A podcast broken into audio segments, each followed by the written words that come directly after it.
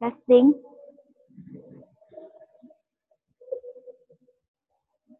Tes, tes. Tes, tes. Ah, kamu nih.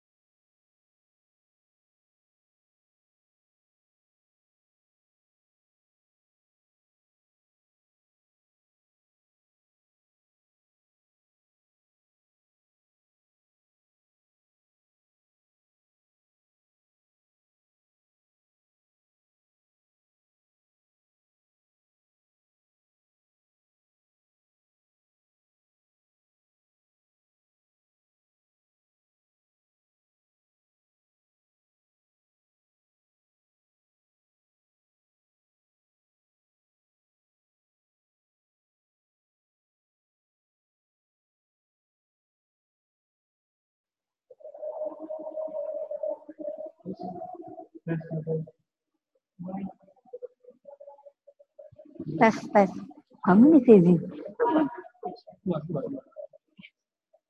Bismillahirrahmanirrahim. Assalamualaikum warahmatullahi wabarakatuh. Innal hamdalillah nahmatuhu wa nasta'inu wa nastaghfiruh wa na'udzu billahi min syururi anfusina wa min sayyiati a'malina may yahdihillahu fala mudhillalah wa may yudlil fala hadiyalah. Asyhadu an la ilaha illallah wa asyhadu anna Muhammadan abduhu wa rasuluh la nabiyya wa la rasula ba'da. Yang saya hormati Ustadz Torik, yang saya hormati Ustadz Datuni, dan seluruh pemirsa kajian pembekalan praktek dakwah lapangan tahun 1441 Hijriah. Marilah kita panjatkan puja dan puji syukur kita kehadirat Allah Subhanahu wa taala yang telah memberikan kita rahmat karunia-Nya sehingga kita mampu berkumpul untuk menimba ilmu via Zoom meskipun pada tahun ini pembekalan PDL sangat berbeda. Biasanya kita bertemunya dalam satu ruangan, pada tahun ini kita bertemu dari beberapa ruangan, tapi tetap ada satu media. Kedua kalinya, salawat serta salam semoga tetap tercurahkan kepada Nabi kita, Nabi besar Muhammad Sallallahu Alaihi Wasallam yang telah menunjukkan kita dari zaman kegelapan menuju zaman yang terang benerang dengan risalahnya Adinul Islam Asyiratul Mustaqim. Sebelum kita mulai acara kajian pembekalan praktek praktek dakwah lapangan pada malam hari ini, mari kita buka acara pembekalan dengan bacaan basmalah. Bismillahirrahmanirrahim menuju acara inti yaitu pemberian materi kepada pemateri pertama Ustaz Tori saya persilahkan. Assalamualaikum warahmatullahi wabarakatuh. Alhamdulillahilladzi arasa rasulahu bil huda wal haq liyudhhirahu 'ala dini wa kafa billahi shahida. أشهد أن لا إله إلا الله وحده لا شريك له وأشهد أن محمدا عبده ورسوله بعده اللهم صل على نبينا محمد وعلى آله وصحبه من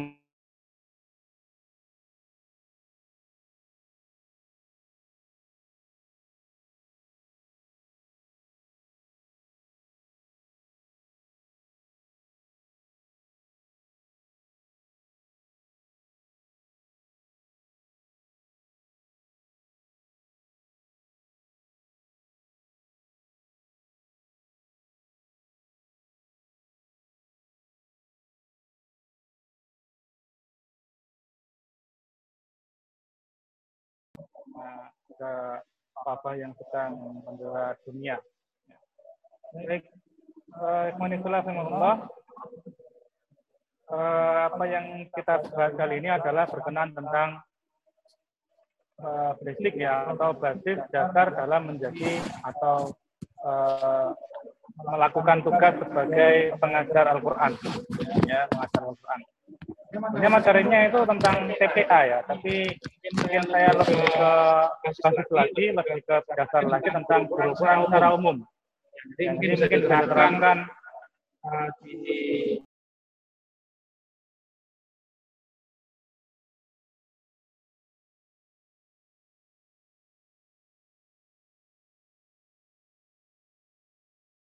pondok pesantren atau gimana. Jadi ini basisnya uh, guru Quran itu seperti apa.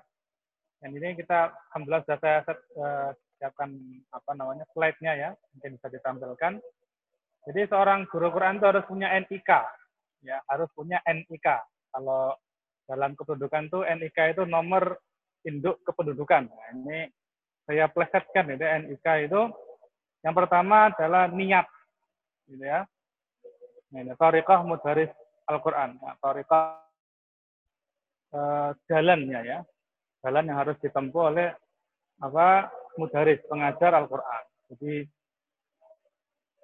jadi saya sampaikan tadi, seorang mudaris Quran atau guru Quran itu harus punya kualifikasi, harus punya memiliki uh, kemampuan mendasar atau skill mendasar tentang tiga hal. Yang pertama adalah ada kita buat singkatan NIK gitu ya, NIK. Itu ada niat, kemudian integritas dan kapabilitas ya. N-nya itu niat, I-nya integritas, K-nya kapabilitas. Jadi NIK. Nah, itu ya ngarang-ngarang sendiri ya. Mudah-mudahan cocok. Jadi itu NIK. Kalau di KTP itu kan NIK nah, nomor induk kependudukan. Nah ini saya jumlah ada niat, integritas, dan kapasitas. Nah, sekarang kita bedah satu-satu. Nah, mudah-mudahan tidak lama ya, karena masih ada bicara selanjutnya. Terutama tentang niat, tentu saja seorang pengajar Quran harus punya niat yang ikhlas ya kepada Allah Subhanahu wa taala. Ini hal yang pokok. Karena tanpa niat yang ikhlas, apa yang kita usahakan itu akan sia-sia. Akan akan sia-sia. Ya, bahkan tidak hanya sia-sia, bisa sia si B, sia si B atau kesehatan lagi. Ya, jadi sia-sia. Karena ada dalam Al-Quran itu, eh bukan bukan, dalam hadis disebutkan dalam eh, apa Jamin Sohir Asyuti ada beberapa orang yang di sidang di mahkamah akhirat itu di Yaumul Mizan ya seseorang di antaranya dihadapkan kepada Allah dengan statusnya sebagai pengajar Al-Quran. Pengajar Al-Quran, ya. Punya hafalan Quran, terus punya sanat-sanat yang banyak tentang Al-Quran. Dihadapkan kepada Allah. Ya Allah, saya menghadap kepadamu dengan sebagai seorang uh, hamilul Quran, ya, seorang yang mengajarkan Al-Quran. Kata Allah, kazabta, kamu bohong, ya. Kamu bohong. Kamu seperti ini karena ingin dipanggil sebagai Al-Qari, kamu ingin dipanggil sebagai kori, kamu ingin dipanggil sebagai ahli Quran. Ya, kamu bohong, masuk neraka kamu. Nah, ternyata karena tanpa niat yang ikhlas, justru prestasi-prestasinya di bidang Al-Quranan, prestasinya di bidang eh, apa akademik itu tidak bernilai apa-apa di hadapan Allah. Mungkin lanjut Mas, maksudnya. Ya, kita ganti slide-nya. Kita bahas kita bahas satu ya niat gitu ya. Nah, niat itu. Yang pertama tentu saja ikhlas ya. Ikhlas karena Allah. Kemudian yang kedua adalah berdedikasi dalam ikhtiar. Ya. Jadi ketika kita ikhlas karena Allah, wujud dari niat ikhlas itu kita miliki dedikasi. Dedikasi itu kesungguhan, ya, tidak main-main, ya, tidak setengah-setengah. Karena Allah ya Rasulullah SAW bersabda, khairukum man ta'allamal Qur'an wa 'allamahu. Sebaik-baik kalian adalah yang belajar Al-Qur'an ya. Ta'allama Insya Allah kita sudah melalui proses itu, ta'alama itu belajar di pondok atau mungkin belajar di ada mungkin ada daurah, kita ikut daurah dan seterusnya. Lalu proses berikutnya adalah alama. Nah ini dua harus melengkapi ya. Kalau tak alama kok tidak alama ya tidak jadi. Atau alama tapi tidak tanpa tak mengajar tanpa belajar. juga tidak itu ya enggak, enggak masuk kualifikasi. Jadi kesungguhan niat itu harus diwujudkan dalam dedikasi, dalam kesungguhan ikhtiar. Ya, jadi kalau mengusahakan dalam proses pembelajaran itu guru itu harus punya dedikasi, harus punya kesungguhan. Ya, uh, contoh kesungguhan itu mungkin teman-teman yang lihat apa lihat uh, tayangan ini ya di Zoom ini mungkin generasi milenial ya, mungkin pasti kenal dengan Naruto. Ya, pasti kenal dengan Naruto. Ada guru namanya Jiraiya Sensei gitu ya. Guru Jiraiya Sensei ini ngajari Naruto. Naruto bodoh bukan main. Naruto itu ya meskipun punya bakat tapi harus harus apa namanya digali lebih dalam gitu ya. Andai kata guru sensei sensei, apa guru Jiraiya ini tidak berdedikasi, ya, wah ini Naruto goblok, sudah tinggal saja, gak usah saya ajari, ya nggak jadi ya. Tapi karena guru diraya ini apa ikut menderita gitu, ngajari Naruto itu sampai sakit-sakit semua, ikut-ikut menderita ya. Jadi ikut apa mengalami kesialan-kesialan akibat ngajari Naruto gitu kan. Ya itu dirasakan. Jadi guru itu kadang ya mendapati uh, murid itu ya, kadang-kadang seperti itu. Yang penting seorang guru percaya bahwasanya muridnya itu memiliki kemampuan yang uh, apa yang harus apa yang bisa untuk dimunculkan. Apalagi ini Quran. Quran itu kitab untuk seluruh manusia. Hudalin nas. Artinya tidak ada tidak ada batasan bagi manusia untuk mempelajari Quran. Tidak ada istilah idiot, tidak ada istilah apa namanya bodoh untuk Quran. Uh, Ustaz itu punya dua murid ya, sering ditampilkan di channelnya itu ada dua orang santrinya yang mengalami kelumpuhan parsial otak ya, lumpuh otak parsial, lumpuh otak parsial. Artinya tidak normal, otaknya tidak normal. Tapi masya Allah, ya tabarakallah itu ada yang hafal 30 juz gitu ya, siapa namanya itu yang di kursi roda itu, itu. Jadi ternyata eh, Quran itu bisa diajarkan kepada siapa saja. Tidak ada orang yang bodoh kalau belajar Quran itu tidak ada orang bodoh. Semuanya pasti bisa. Karena jaminan jaminan Allah hudalin nas. Sudah semua manusia pasti bisa. Tinggal mau apa enggak gitu saja. Maka tinggal dedikasi gurunya yang mau bekerja keras apa enggak. Yang ketiga, niat itu tentu bertawakal.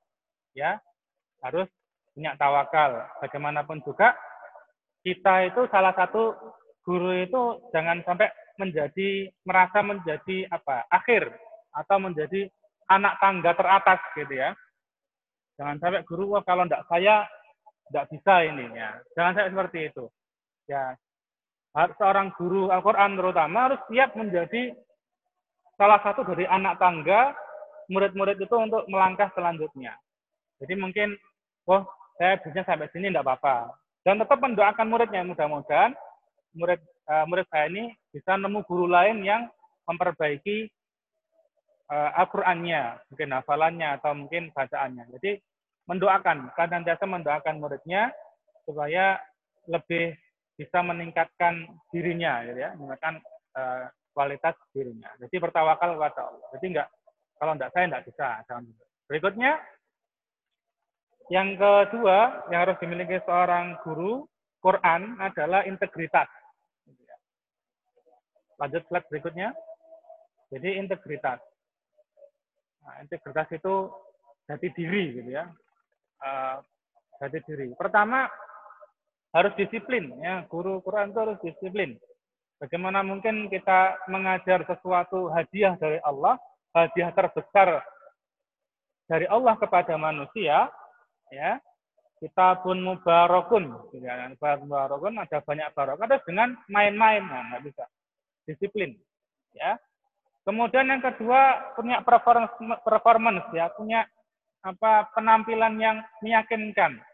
Guru Quran itu kalau berpenampilan ya harus harus nyetil ya harus pantas gitu ya jangan sampai kumuh dan lain sebagainya ya meskipun mungkin bajunya tidak baru, ya meskipun bajunya eh, lama, tapi harus yang harus yang pantas, pakai pakai pakaian yang terbaik ketika mengajari Quran. Karena ini kita berhadapan dengan Al-Quran ya, menghadapi eh, kitab suci yang penuh barokah. Nah itu harus meyakinkan. Juga membandingkan semangat gitu. Kalau gurunya performance-nya meragukan, itu muridnya belajar males. Nah, kalau gurunya meyakinkan, suaranya lantang, ya, terus apa eh, pakaiannya rapi, pakaiannya eh, apa pantas gitu ya. Nah, pasti murid-murid senang. Nah, kalau gurunya lemes, ya, gurunya tidak semangat, tidak eh, meyakinkan dalam penampilannya, ya, muridnya malas untuk belajar. Jadi penting. Ya, kemudian yang ketiga adalah karakter. Ya, karakter. Karakter itu adalah bagaimana kita eh, menunjukkan sikap kita kepada murid gitu ya. Karakter. Di antaranya adalah ketegasan mungkin ya, kejujuran. Ya. Kalau ada apa? kasih sayang juga. Ya. Jadi misalkan ada yang perlu diberikan hukuman, diberikan hukuman. Ya. Ada reward, ada punishment, ada penghargaan, ada hukuman. Jadi harus muncul karakternya. Jangan guru itu sekedar mengajar saja ya, harus harus punya uh, harus punya apa namanya karakter yang kuat supaya bisa meyakinkan kepada muridnya. Nah terakhir ya terakhir adalah uh, tentang apa kapabilitas. Kapabilitas itu kemampuan. Jadi harus seorang guru Quran itu harus memiliki kemampuan yang yang memadai. Ya, ada seorang ulama berkata musibah bagi umat ini adalah bila orang alimnya berhenti untuk belajar. Ya.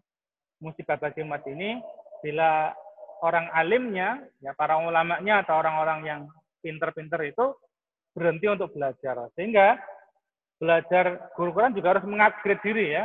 Jadi kualitas dirinya harus terus ditingkatkan. Jangan mentok. Apalagi ternyata masih banyak kekurangan. Misalkan ada banyak eh, ini lembaga Quran itu atau TPA-TPA itu yang guru-gurunya tidak mau melatih dirinya lagi. Ya. Padahal makrotnya masih salah, tajwidnya masih banyak yang kurang tepat. Nah ini harus diperbaiki. Jadi jangan sampai uh, kita mengajarkan sesuatu yang keliru kan, ya, mewariskan sesuatu yang keliru. Jadi uh, tidak berhenti untuk belajar, meningkatkan kualitas diri. Itu penting bagi guru Quran. Ya. Terutama misalkan untuk makrotnya bagaimana, hal-hal yang penting yang mendasar dalam pengajaran Quran. Kemudian yang kedua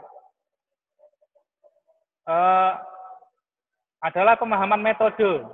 Ya, sekarang banyak sekali metode. Saya itu sudah ikut metode itu sampai ada wafa, saya pernah ikut, tapi belum dapat sertifikatnya. Coba lihat kok, gitu. Ikut satu, satu, eh, satu kali dua kali pertemuan, waktunya itu enggak ada anu, enggak ikut lagi gitu Karena memang hanya ingin tahu metodenya seperti apa. Kemudian ada tilawati juga saya pernah, tapi nggak dapat sertifikatnya. Jadi, tapi insya Allah kalau metodenya beberapa, saya, yang penting kita misalkan dalam tinggal di sebuah eh, apa ya TPA yang sudah jadi misalkan ya, TPA yang sudah eh, ber, apa namanya sudah berjalan dengan sistemnya, nah kita ikut di situ, kita ikut di situ, pahami metodenya. Karena kalau kita tidak paham metode, itu apa nanti kacau nanti nanti beda dengan ada idiom itu otoriko aula minal majah gitu ya. Metode itu lebih diutamakan daripada materinya maka penguasaan metode penting ya. Sehingga e, untuk bisa apa menjadi guru Quran yang baik ya banyak belajar ya. Ikuti seminar-seminar daurah-daurah dan sebagainya. Supaya kita tahu metodenya banyak. Insya Allah andai kata disatukan banyak bisa saja. Cuma ini kan masalah sertifikat saja. Ada yang menerbitkan wafa dan menerbitkan uh, ilawati itu masalah sertifikat saja. Tapi kalau dari segi materinya sama saja ya. metodenya mungkin yang berbeda kemudian yang ketiga adalah adaptasi lingkungan ini penting maksudnya lingkungan ini lingkungan pembelajaran ya misalkan di kelas atau mungkin di privat itu kita harus mengetahui audiennya siapa yang kita ajar itu siapa. Misalkan dengan anak-anak ya, jangan paksa anak-anak itu untuk misalkan sepanjang pelajaran itu diam itu tidak bisa, tidak bisa anak-anak itu. Pasti ada ada saatnya mereka itu kemudian breaking gitu ya. Wah itu kak apa main-main bercanda itu ya biarkan saja natural itu anak-anak itu. Kemudian ya kasih tugas apa gitu. Nah kalau mereka masih kerja jangan kemudian di apa di uh, dimarahi, dihukum dan sebagainya. Sebenarnya kalau dalam pengajaran kelas itu kita hanya butuh misalkan sekitar 5 sampai 10 menit ya, waktu yang efektif gitu ya. ya kalau misalkan belajarannya lebih daripada itu misalkan 30 menit ya. Manfaatkan 5 10 menit yang pertama untuk memberi pelajaran, ya, memberikan pelajaran. Selain setelah itu penugasan, nah kalau masih ada yang rame dan sebagainya biarkan anak-anak kalau itu anak-anak ya. Jadi kita harus mengenal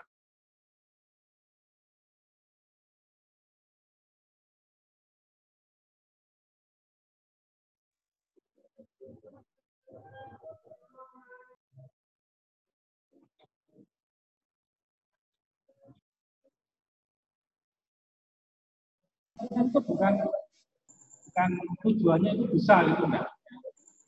Yang paling penting dalam uh, pelajaran Quran itu adalah mengenalkan peserta didik itu kepada Al-Quran supaya dia punya ikatan terhadap Al-Quran. Soal bisanya bisa dengan guru lain atau mungkin dia ganti metode punya keterikatan dengan Al-Quran maka baik-baik saja. Ya. Sehingga sering kali kita temui begini, ada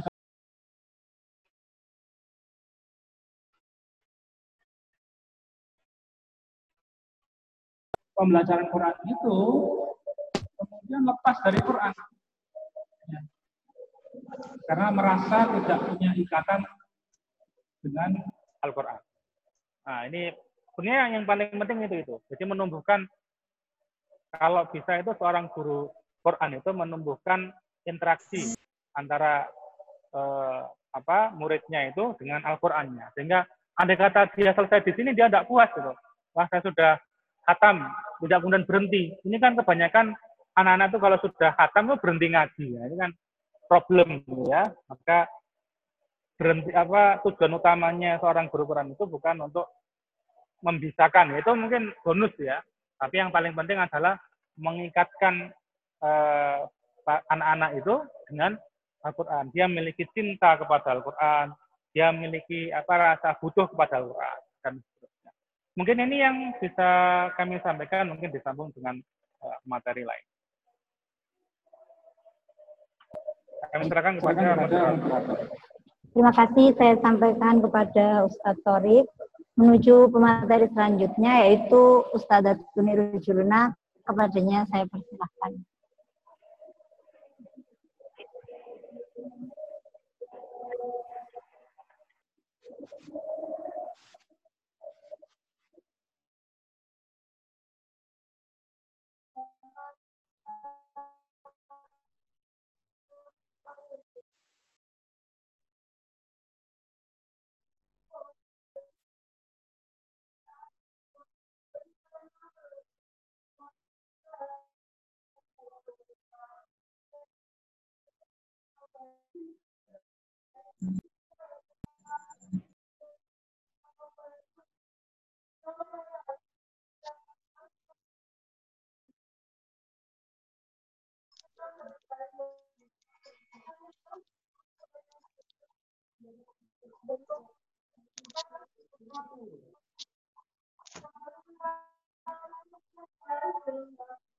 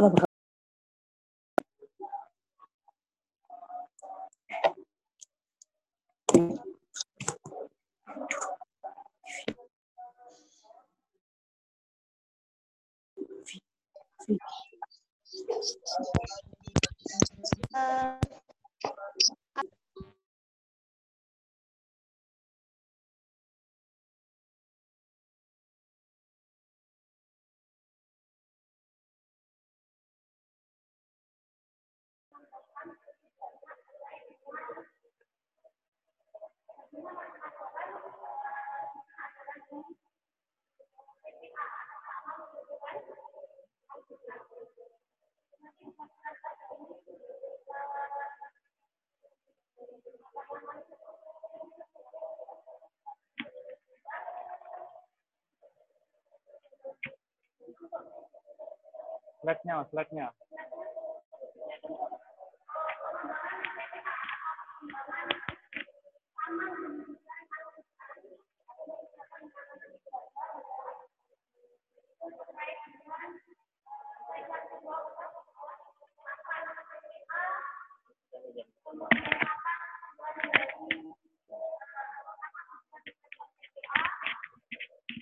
yang ketiga adalah bagaimana cara bagaimana eh, saya ulangi uh, untuk materi usaha satu ini uh, mungkin saya akan awali dengan tiga hal ya terkait dengan uh, apa itu TPA, apa tujuan pengajaran TPA maupun bagaimana cara mengajar di TPA. Oke, lanjut ke slide yang ketiga, Ustaz. Uh, anak-anakku yang berbahagia atau santriwan santriwati, kenapa perlu Ustazah sampaikan TPA itu apa, gitu ya?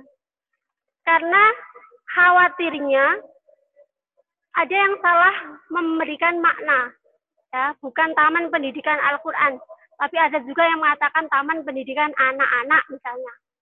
Nah, tapi sejatinya adalah taman pendidikan Al Al-Quran. Nah, untuk TPA ini istilah lainnya adalah TPQ, Taman Pendidikan Gur Quran. Ternyata untuk uh, pendidikan uh, Al-Quran ini bukanlah suatu hal yang ilegal, tapi diatur dalam peraturan pemerintah ya nomor 55 nah, bisa dilihat Kemudian pada pasal eh, 24 ya ayat 2. Nah, ini yang berbunyi bahwasanya pendidikan eh, pengajaran Al-Qur'an itu ada TKA yaitu Taman Kanak-kanak Al-Qur'an, ada TPQ atau TPA Taman Pendidikan Al-Qur'an, uh, dan yang terakhir adalah TKI, uh, TKA yaitu oh, hmm, TKA taklim Quran lil aulad. Nah itu nah kemudian filosofis untuk taman gitu ya ini bisa kita lihat taman itu mencerminkan keadaan yang indah, bersih, dan rapi, nyaman, dan menyenangkan. Sehingga harusnya untuk pembelajaran yang ada di TPA itu bisa merangkum keempat hal tersebut. Ya, artinya dalam kegiatan pembelajaran Al-Quran atau pengajaran Al-Quran, ya pastinya itu harus memiliki sifat uh, indah dalam artian itu senang. Kalau indah itu kan suka ya, dilihat itu menyenangkan, cantik gitu, bagus, sehingga ingin berlama-lama di sana.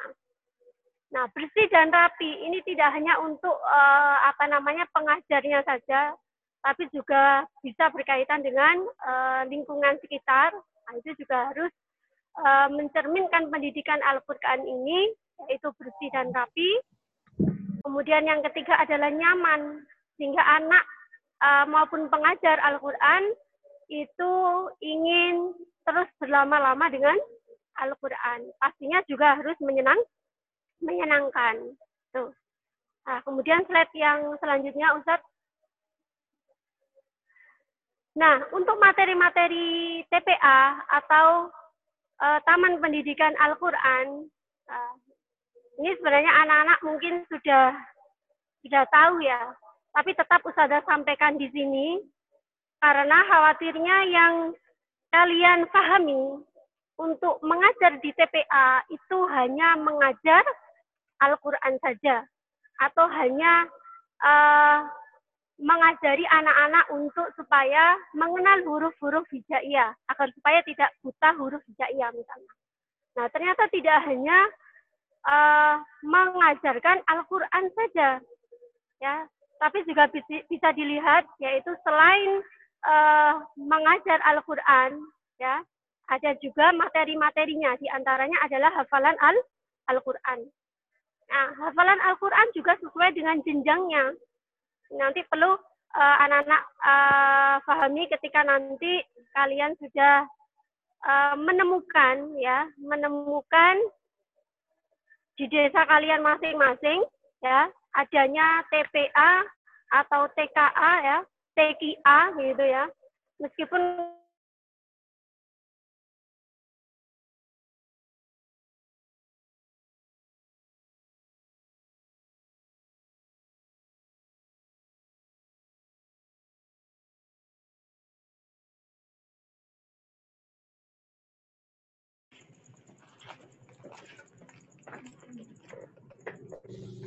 mari makan.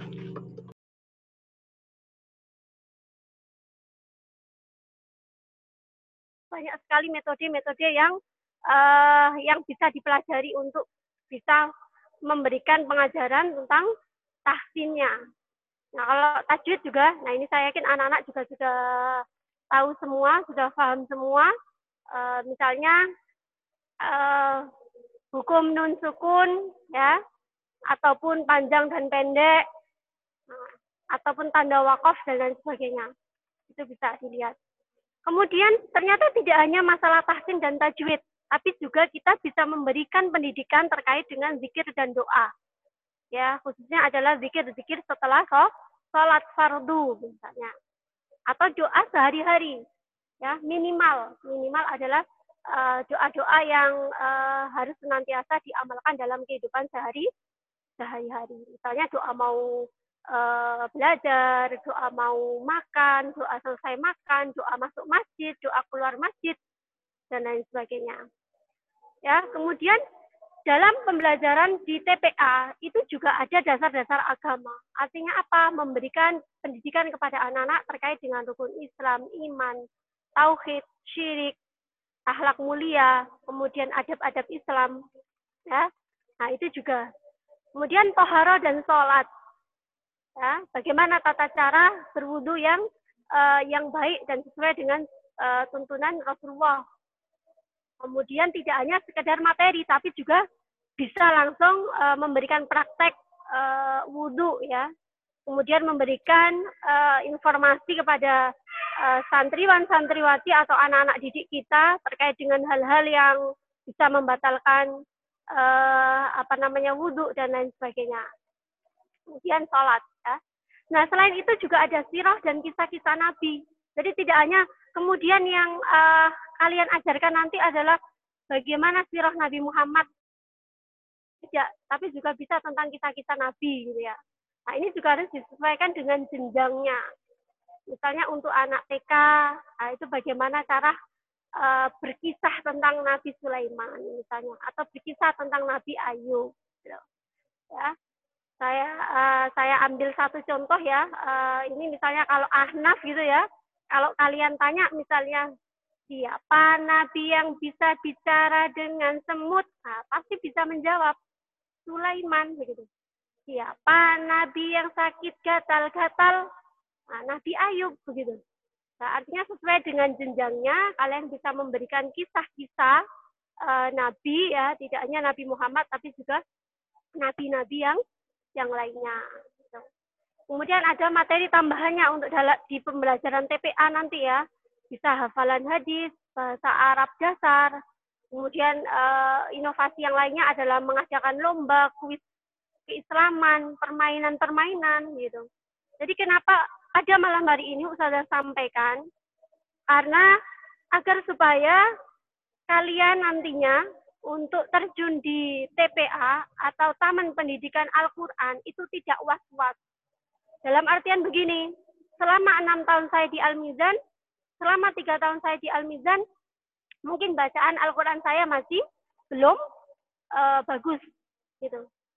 Belum eh, sempurna misalnya, ya, belum maksimal. Nah, kita mengambil materi-materi, eh, katakanlah materi-materi yang sudah disampaikan ini, gitu. Ya kemampuan kalian atau bakat-bakat yang kalian miliki itu apa? Silakan diasah. Ya misalnya ada Uhti Afifa ini yang pandai berkisah atau berdongeng ya. Itu juga bisa pilih satu topik begitu. Sehingga tidak harus pembelajarannya itu eh, apa namanya ikro atau mungkin tahsinnya gitu. Bisa juga bekerja sama dengan pengajar yang lainnya untuk memberikan materi-materi selain eh, pembelajaran tahsin dan tajwid. Itu. Kemudian uh, lanjut Ustadz. Nah, selanjutnya adalah kegiatan penunjang yang ada di TPA. Nah, ini bisa dibaca saja karena selain materi-materi tersebut, hal-hal lain yang bisa kalian persiapkan untuk mengajar di TPA adalah ya, bisa mengajak menggambar, uh, kemudian berjalan-jalan, ya. ya jalan-jalannya juga harus punya tujuan ya. Jangan sekedar pokoknya jalan-jalan, tiba-tiba ke pasar gitu. Apalagi sekarang tidak memungkinkan untuk eh, jalan-jalan uh, dalam uh, apa namanya jumlah yang banyak ya dengan anak-anak. Kemudian bernyanyi, bermain tebak-tebakan, uh, kemudian memberikan pembelajaran tentang tepuk-tepuk, nah, itu juga bisa sebagai selingan. Nah, saya yakin nanti anak-anak bisa mencari uh, tambahan materi-materi terkait dengan katakanlah tepuk-tepuk yang biasanya diajarkan dalam uh, di, di TPA itu apa. Ya. Ini Ustazah sampaikan manakala memang kondisi kita kondusif anak-anak. Kondusif dalam artian di desa kalian, kalian sudah menganalisisnya ada TPA. Ya. Sudah berkembang TPA. Dan kondusif manakala kondisinya tidak seperti sekarang ini, yaitu uh, adanya COVID-19 ini.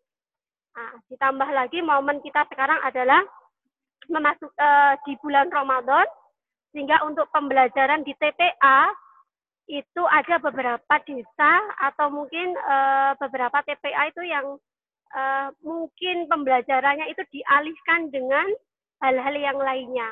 Saya ambil satu contoh misalnya di desa Peloso Setro ya. Nah ini kenapa? Ini ada ada Ukti Desi ya. Hadir ya Ukti Desi ya. Uh, untuk di Peloso Setro, kegiatan TPA yang di sana di bulan suci Ramadan ini itu digantikan dengan uh, tadarus Al-Quran sebelum sholat maghrib. Nah ini misalnya Ukti Desi nanti bisa uh, melobi kepala TPA atau TPK yang ada di sana atau ustadz-ustadzah yang ada di sana. Kemudian nanti untuk meminta waktu barangkali setelah tadarus ya sebelum azan maghrib bisa meminta sedikit waktu untuk bercerita atau berdongeng tentang kisah-kisah Nabi misalnya atau memberikan satu uh, apa hafalan zikir atau doa atau lain sebagainya. Tuh. Nah, kalau malam itu juga ada setelah sholat e, terawih, tapi biasanya tidak tidak lama. Ba'da subuh juga ada, so, tapi memang tidak lama. Ya berkaitan dengan kondisi kita sekarang yang tidak memungkinkan untuk harus mengadakan pertemuan atau kumpul e, dalam e, durasi waktu yang e, dalam jumlah yang sangat banyak gitu ya. Monggo usah dilanjut. Nah, untuk tujuan pembelajaran yang ada di TPA, anak-anak perlu ketahui yaitu terbentuknya generasi Qurani. Nah, generasi Qurani ini tidak akan tercapai manakala ya anak-anak atau santriwan santriwati kita itu nggak cinta Al-Quran, ya nggak bisa atau nggak uh, nggak rajin baca Quran, kemudian juga tidak mempelajari maknanya, tidak mau mengamalkannya, maka itu tidak akan terbentuk generasi Qurani. Ya, jadi kenapa harus ada TPA? Apa tujuan TPA itu? Ya, ya supaya ada komitmen terhadap Al-Quran. Mau tidak mau karena Al-Quran adalah sumber perilaku kita. Al-Quran adalah uh, pedoman hidup kita dan juga rujukan segala urusan atau permasalahan yang ada di uh, di dunia ini. Sehingga untuk eh, anak-anak uh, harus bisa menumbuhkan rasa cinta terhadap Al-Quran supaya mudah dan bisa atau rajin membaca Al-Quran. Nah, tidak hanya sekedar mempelajari, tapi juga harus memahami maknanya. Selanjutnya adalah minimal ya mengamalkannya. Ya, banyak sekali anak-anak pelajaran-pelajaran yang bisa kita ambil di sana. Salah satunya ketika kita memahami makna dari surat Al-Maun misalnya bagaimana cara menyantuni orang yang anak yatim, kemudian orang fakir dan miskin, gitu. Nah, itu juga uh, salah satu contoh dari sekian eh, ayat-ayat Al-Quran yang harus senantiasa untuk diamalkan. Oke, selanjutnya Ustadz. Nah, untuk bagaimana mengajar di TPA ini uh, tidak jauh dari yang sudah disampaikan oleh Ustadz Torik tadi ya harus ikhlas, sabar, menguasai materi, uh, menguasai teknik mengajar, memahami dunia anak. Nah ini yang paling penting. Betul kata Ustadz Torik tadi ya. Kita tidak bisa membiarkan anak itu untuk diam. Eh apa namanya? Uh, uh, meminta mereka diam, tidak bisa. Kita ambil satu contoh untuk memahami dunia anak anak usia tujuh tahun misalnya itu tidak uh, untuk daya konsentrasinya itu hanya sa uh, satu menit dikali usianya gitu ya jadi hanya tujuh menit saja dia bisa berkonsentrasi sehingga sebagai pengajar TPA ya harus bisa uh, mengatur strategi uh, misalnya ada 30 menit untuk memberikan pengajaran atau pendidikan di sana, maka harus benar-benar bisa mengatur. Misalnya 15 menit untuk pembukaan dan hafalan-hafalan, kemudian apa, atau misalnya tadi materinya lebih dulu. Nah, itu secara privat ataupun secara uh, bersama-sama, karena usia tujuh tahun mungkin ada yang masih uh, dalam uh, jenjang ikro ya, belum bisa baca Quran misalnya. Nah, kemudian lanjut Ustadz. Nah, selain Ustadz Ustadzanya juga harus memiliki e, karakter ini, maka harus juga mengetahui metode-metodenya untuk pengajar TPA ini ya.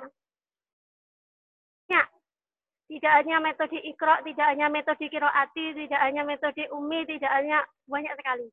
Ya, tapi mungkin yang paling umum atau banyak untuk dipakai adalah metode ikro.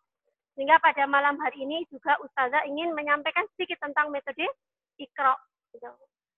Monggo Ustaz lanjut. Untuk metode ikro ini, ya uh, tadi Ustazah sebenarnya mau bawa bukunya, tapi ketinggalan. ya Terdiri dari enam jilid.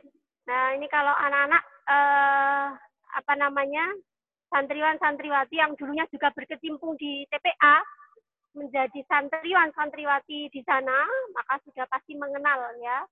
E, misalnya jilid satu itu baru pengenalan huruf hijaiyah, itu pun terputus-putus, belum tersambung, e, dan juga hanya berharokat patah saja. Jilid dua sudah mulai bersambung gitu ya. E, sudah mulai pengenalan harokat kasroh dan doma. Jilid empat sudah memasuki uh, pengenalan tanwin dan sukun. Nah, untuk 5 dan 6 sudah mulai memasuki pembelajaran tajwid praktis. Nah, itu. Nah, untuk sistem yang digunakan CBSA, yaitu cara belajar santri aktif. Kenapa? E, cara belajar santri aktif itu bagaimana? Yaitu guru hanya menyimak saja dan cukup memberikan contoh pokok pelajaran di awal. Sehingga uh, tidak banyak menerapkan Nah, untuk ciri khasnya langsung praktek membaca, nah, sangat mudah untuk dipakai. Nah, ini bukan untuk promosi metode ya, semua metode itu bagus dan baik, hanya saja yang paling umum banyak dipakai adalah metode ikro karena memang uh, cukup mudah untuk dipakai. Gitu.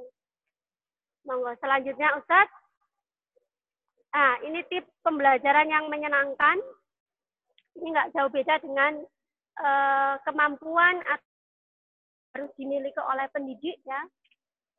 Bagaimana cara menciptakan belajar supaya tidak tegang dan tidak santai, banyak berinteraksi dengan anak, tidak mudah marah, kreatif, melebihi anak, nah, dan lain sebagainya. Yang yang terakhir, nah ini sedikit tips ya. Biasanya kita akan menjumpai beberapa karakter dari anak-anak TPA itu multi ya, multi karakter ada yang pendiam, ada yang uh, aktif, kemudian ada juga yang bandel, ya, juga yang uh, ya luar biasa, mungkin juga takut gitu ya. Karena memang nanti ya kalian baik yang putra maupun putri ketika bisa uh, bergabung di TPA yang ada di desa kalian ya ini kalau ada ya maka pasti kalian akan mendapatkan kendala ya. Banyak kendalanya, tapi salah satunya adalah manakala kalian itu uh, secara usia ya masih remaja, kemudian anak-anak itu merasa tidak takut ya kepada kalian karena uh, ya tadi mereka hanya takut kepada orang yang lebih tua saja. Ya, atau justru sebaliknya, kalian juga akan mendapati anak-anak yang uh, sangat takut dengan kalian karena memang baru dan uh, belum mengenal. Uh, sehingga apa tipsnya? Yaitu satu harus bersahabat, ya bersahabat dalam artian ya harus bisa menjadi teman yang baik untuk anak-anak. Kemudian yang kedua adalah uh, perhatian. Terus berikan perhatian kepada anak-anak yang seperti itu, ya.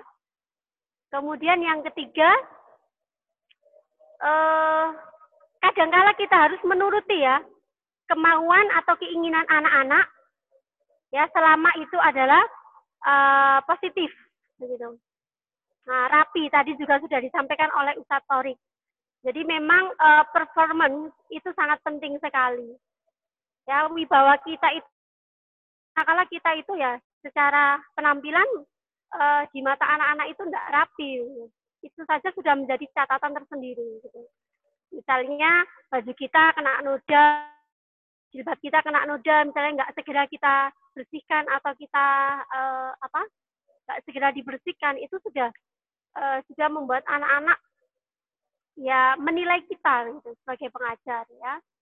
Kemudian terus hasanah kepada anak-anak karena itu sangat penting ya. Bagaimana kita bisa mendidik anak-anak manakala diri kita juga uh, tidak bisa dijadikan contoh oleh mereka.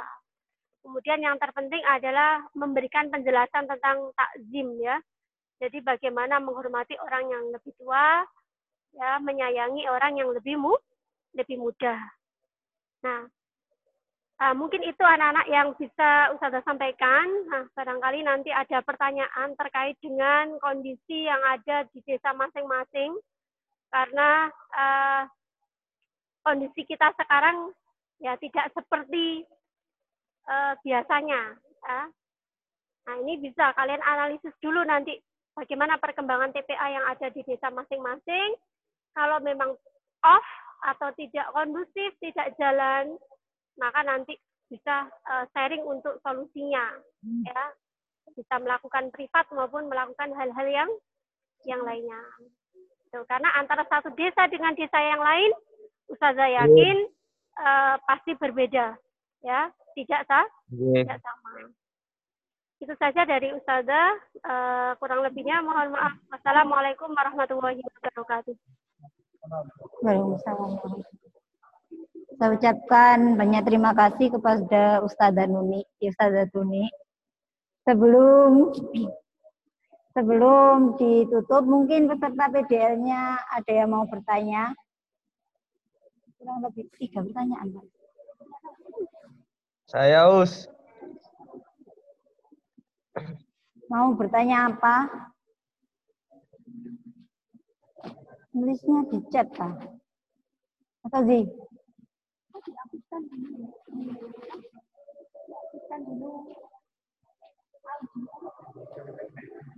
Di chat.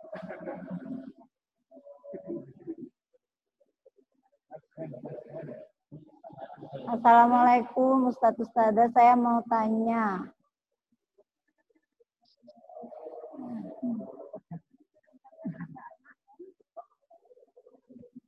Terkadang kan ada anak yang kok belum sih mas? Ditekankan untuk menambah hafalan terus dan untuk ngaji dan tajwid itu diabaikan dan sudah terlanjur hafalannya sudah banyak. Dan ketika kita menyimak kita benarkan dan orangnya itu ngeyel.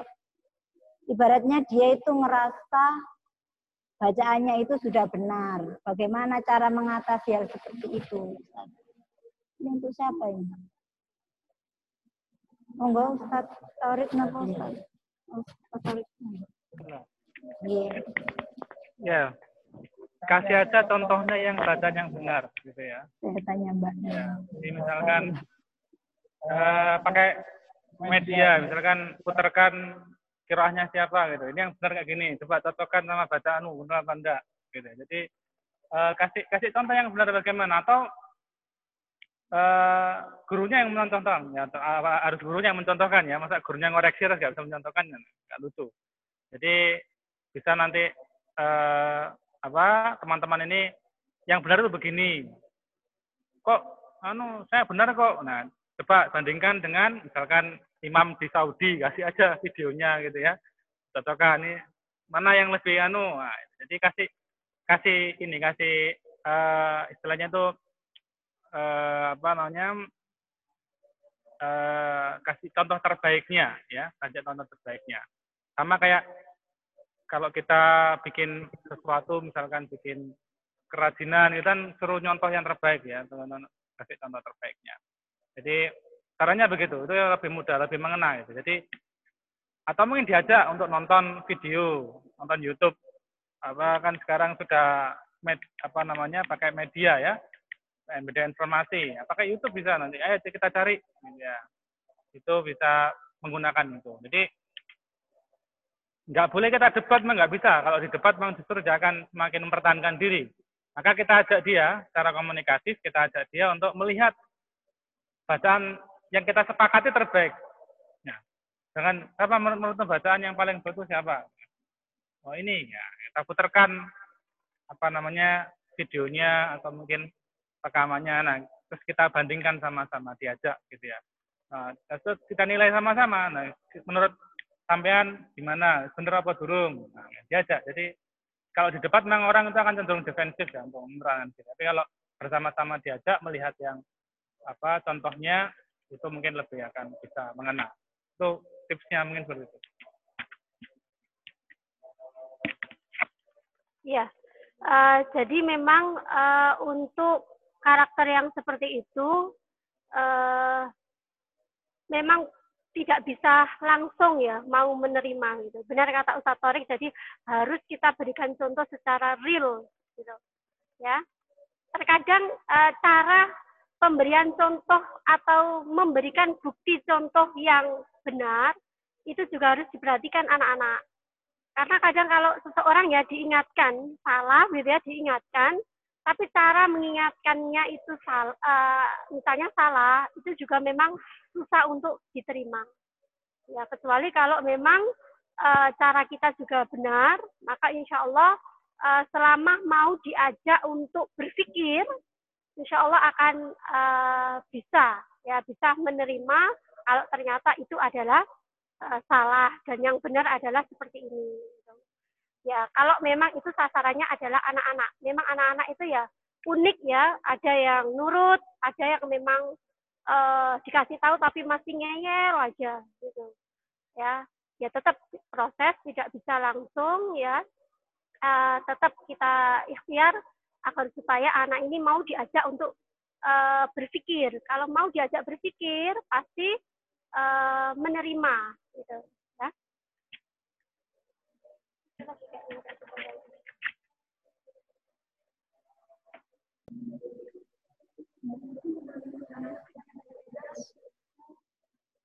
Pertanyaan selanjutnya, gimana menangani anak yang merasa sudah sangat akrab, jadi susah diatur.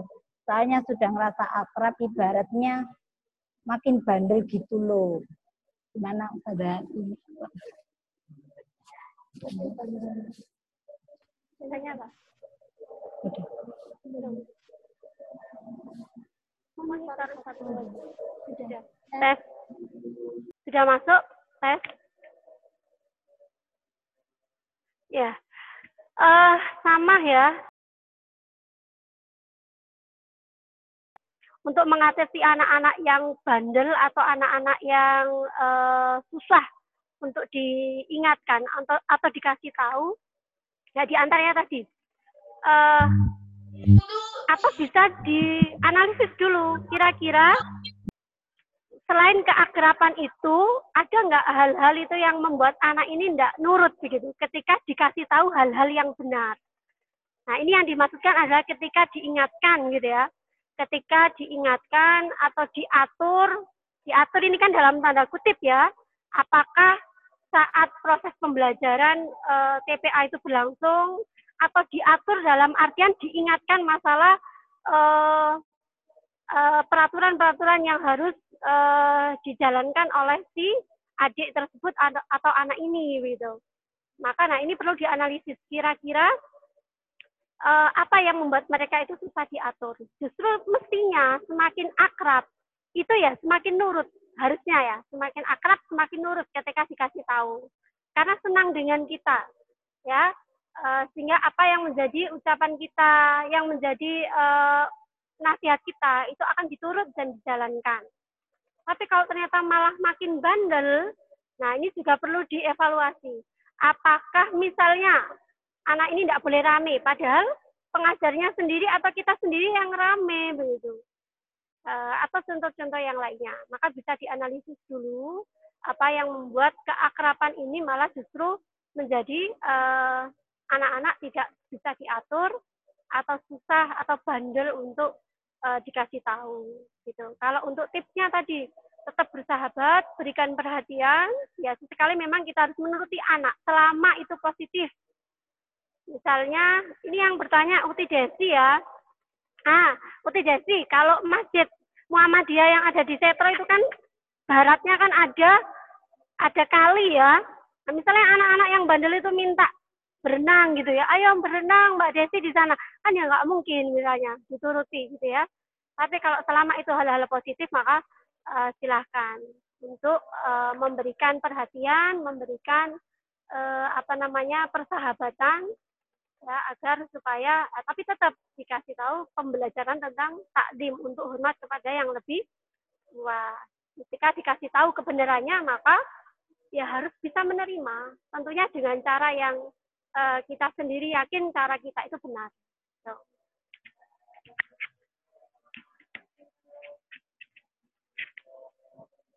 Uh, menurut penelitian ya, 80% anak bandel itu karena kurang perhatian. Nah, mungkin dia bandel itu karena minta perhatian dari kita gitu. Jadi ketika mungkin di rumah dia kurang diperhatikan oleh kakaknya, terus dia cari dia cari sosok kakak gitu di TPA atau di tempat pengajaran itu kadang seperti itu. Nah, bagaimana sikap kita? Ya kasih perhatiannya itu, kasih perhatian. Caranya bagaimana? Kalau kita ingin membetulkan dia, mengarahkan dia, jangan di muka umum. Tidak pernah efektif secara seperti itu. Jadi panggil dia secara pribadi, ajak ngomong apa saman kok begini? Kok kalau dibilangin eh, kakak kok nggak nurut apa gitu. Berdua saja empat mata. Itu dari hati ke hati. Itu biasanya akan eh, membekas ya. Karena memang yang diinginkan cuma perhatian. Jadi kalau sudah diperhatikan biasanya apa kalau dia sudah diberi apa yang dia minta apa yang dia inginkan itu biasanya eh, akan ya dia akan nurut gitu ya. Jadi eh, memang harus perlu waktu. Jadi kasih kasih waktu kepada uh, si anak tadi atau ya teman kita tadi itu waktu yang khusus ya. Jangan kita mari di muka umum. Kalau di muka dia kan makin merasa apa namanya merasa menjadi orang tertindas itu kan semakin melawan. Nah, jadi tipsnya kalau sudah terlalu akrab ya, akrabnya sampai ngelunjak dan sebagainya, bilangin. Nah, sampean itu kesalahannya di mana? Tunjukkan kesalahannya, tidak apa-apa. Ya, salah saya itu di sini. Saya kalau nganu tidak nurut, bukan karena apa namanya kita akrab boleh, kita akrab ya boleh-boleh saja kita jadi seperti kakak dan adik, tetapi ada sikap sehat tunjukkan ya, tapi jangan di muka umum, jangan di muka umum pribadi pasti itu ya. Menurut pengalaman saya itu bekerja efektif. Itu mungkin yang bisa saya tambahkan. Menuju acara yang ke eh, pertanyaan yang ketiga dari Hernanda Abdul Rauf, gimana caranya imam terawih di Masjid NU ngajar ngaji juga. Soal imam terawih ya, ya yang imam terawih biar saya jawab nanti. Kalau imam terawih syariat itu kan luas ya, ada banyak fikih itu kan punya cabang-cabang ya. Kan syaratnya sholat kan yang yang kot'i yang pasti cuma satu cuma ninah dan lengkap rukunnya sudah. Lain pada itu kan beda-beda tidak apa-apa. Beda rokaatnya beda apanya kan kalau di NU berapa rokaatnya 23 ya kerjakan itu. Tekan 23 itu tapi dengan catatan tumak nina ya tumak nina nanti lama-lama nanti mungkin wah lek imam itu suwe tumak nina nanti lama-lama mungkin minta kurangi rokaatnya pak. Ya jadi jadi tetap kita kalau soal rokaat ada masalah nggak ada. Itu khilaf saja khilaf. Masalah buruk masalah cabang. Dan andai kata kita melakukan apa yang dilakukan oleh orang NU itu kan orang NU kan pakai madhab namanya madhab syafi'iyah. Ya jadi di mana? Di Masjidil Haram sendiri terawihnya 23 ya karena tentu saja tumak ninah ya sana satu juz ya. Satu juz tapi sekarang enggak sekarang dikurangi. Ya, enggak enggak satu juz tetap 23 cuma diperpendek. Uh, ya itu. Jadi kalau misalkan mengikuti cara sholatnya dari segi rokaat itu tidak ada masalah. Kerjakan saja. Yang penting rukunnya terpenuhi. Dan salah satu rukun yang terpenting itu cuma ninah itu. Itu yang jangan sampai ditinggalkan terus bagaimana dengan apa metode ngajinya gitu? Itu juga saya alami ini di masjid saya yang sekarang tempat saya tinggal. Maksudnya masjid Muhammadiyah tetapi yang ngaji tempat saya itu NU semuanya anak-anak NU semuanya ada yang Muhammadiyah. Jadi cara mereka sholat misalkan kan tes sholatnya. Anu sholat eh praktek sholat gitu ya pakai usoli ya tidak ada masalah itu ya. Nah, saya juga ikut ngapalin itu.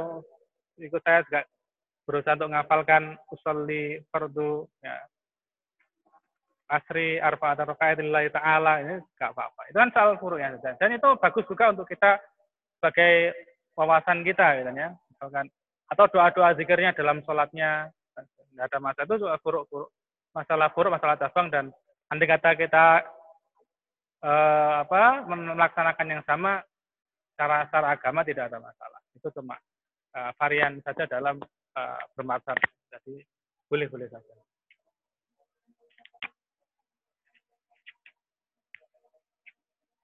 Saya ucapkan terima kasih banyak kepada Ustadz Torik dan Ustadzah Tuni. Semoga apa yang telah disampaikan oleh Ustadzah Tuni dan Ustadz Torik mampu menambah wawasan ilmu kita menuju acara yang terakhir yaitu penutup. Mari kita tutup dengan bacaan hamdalah.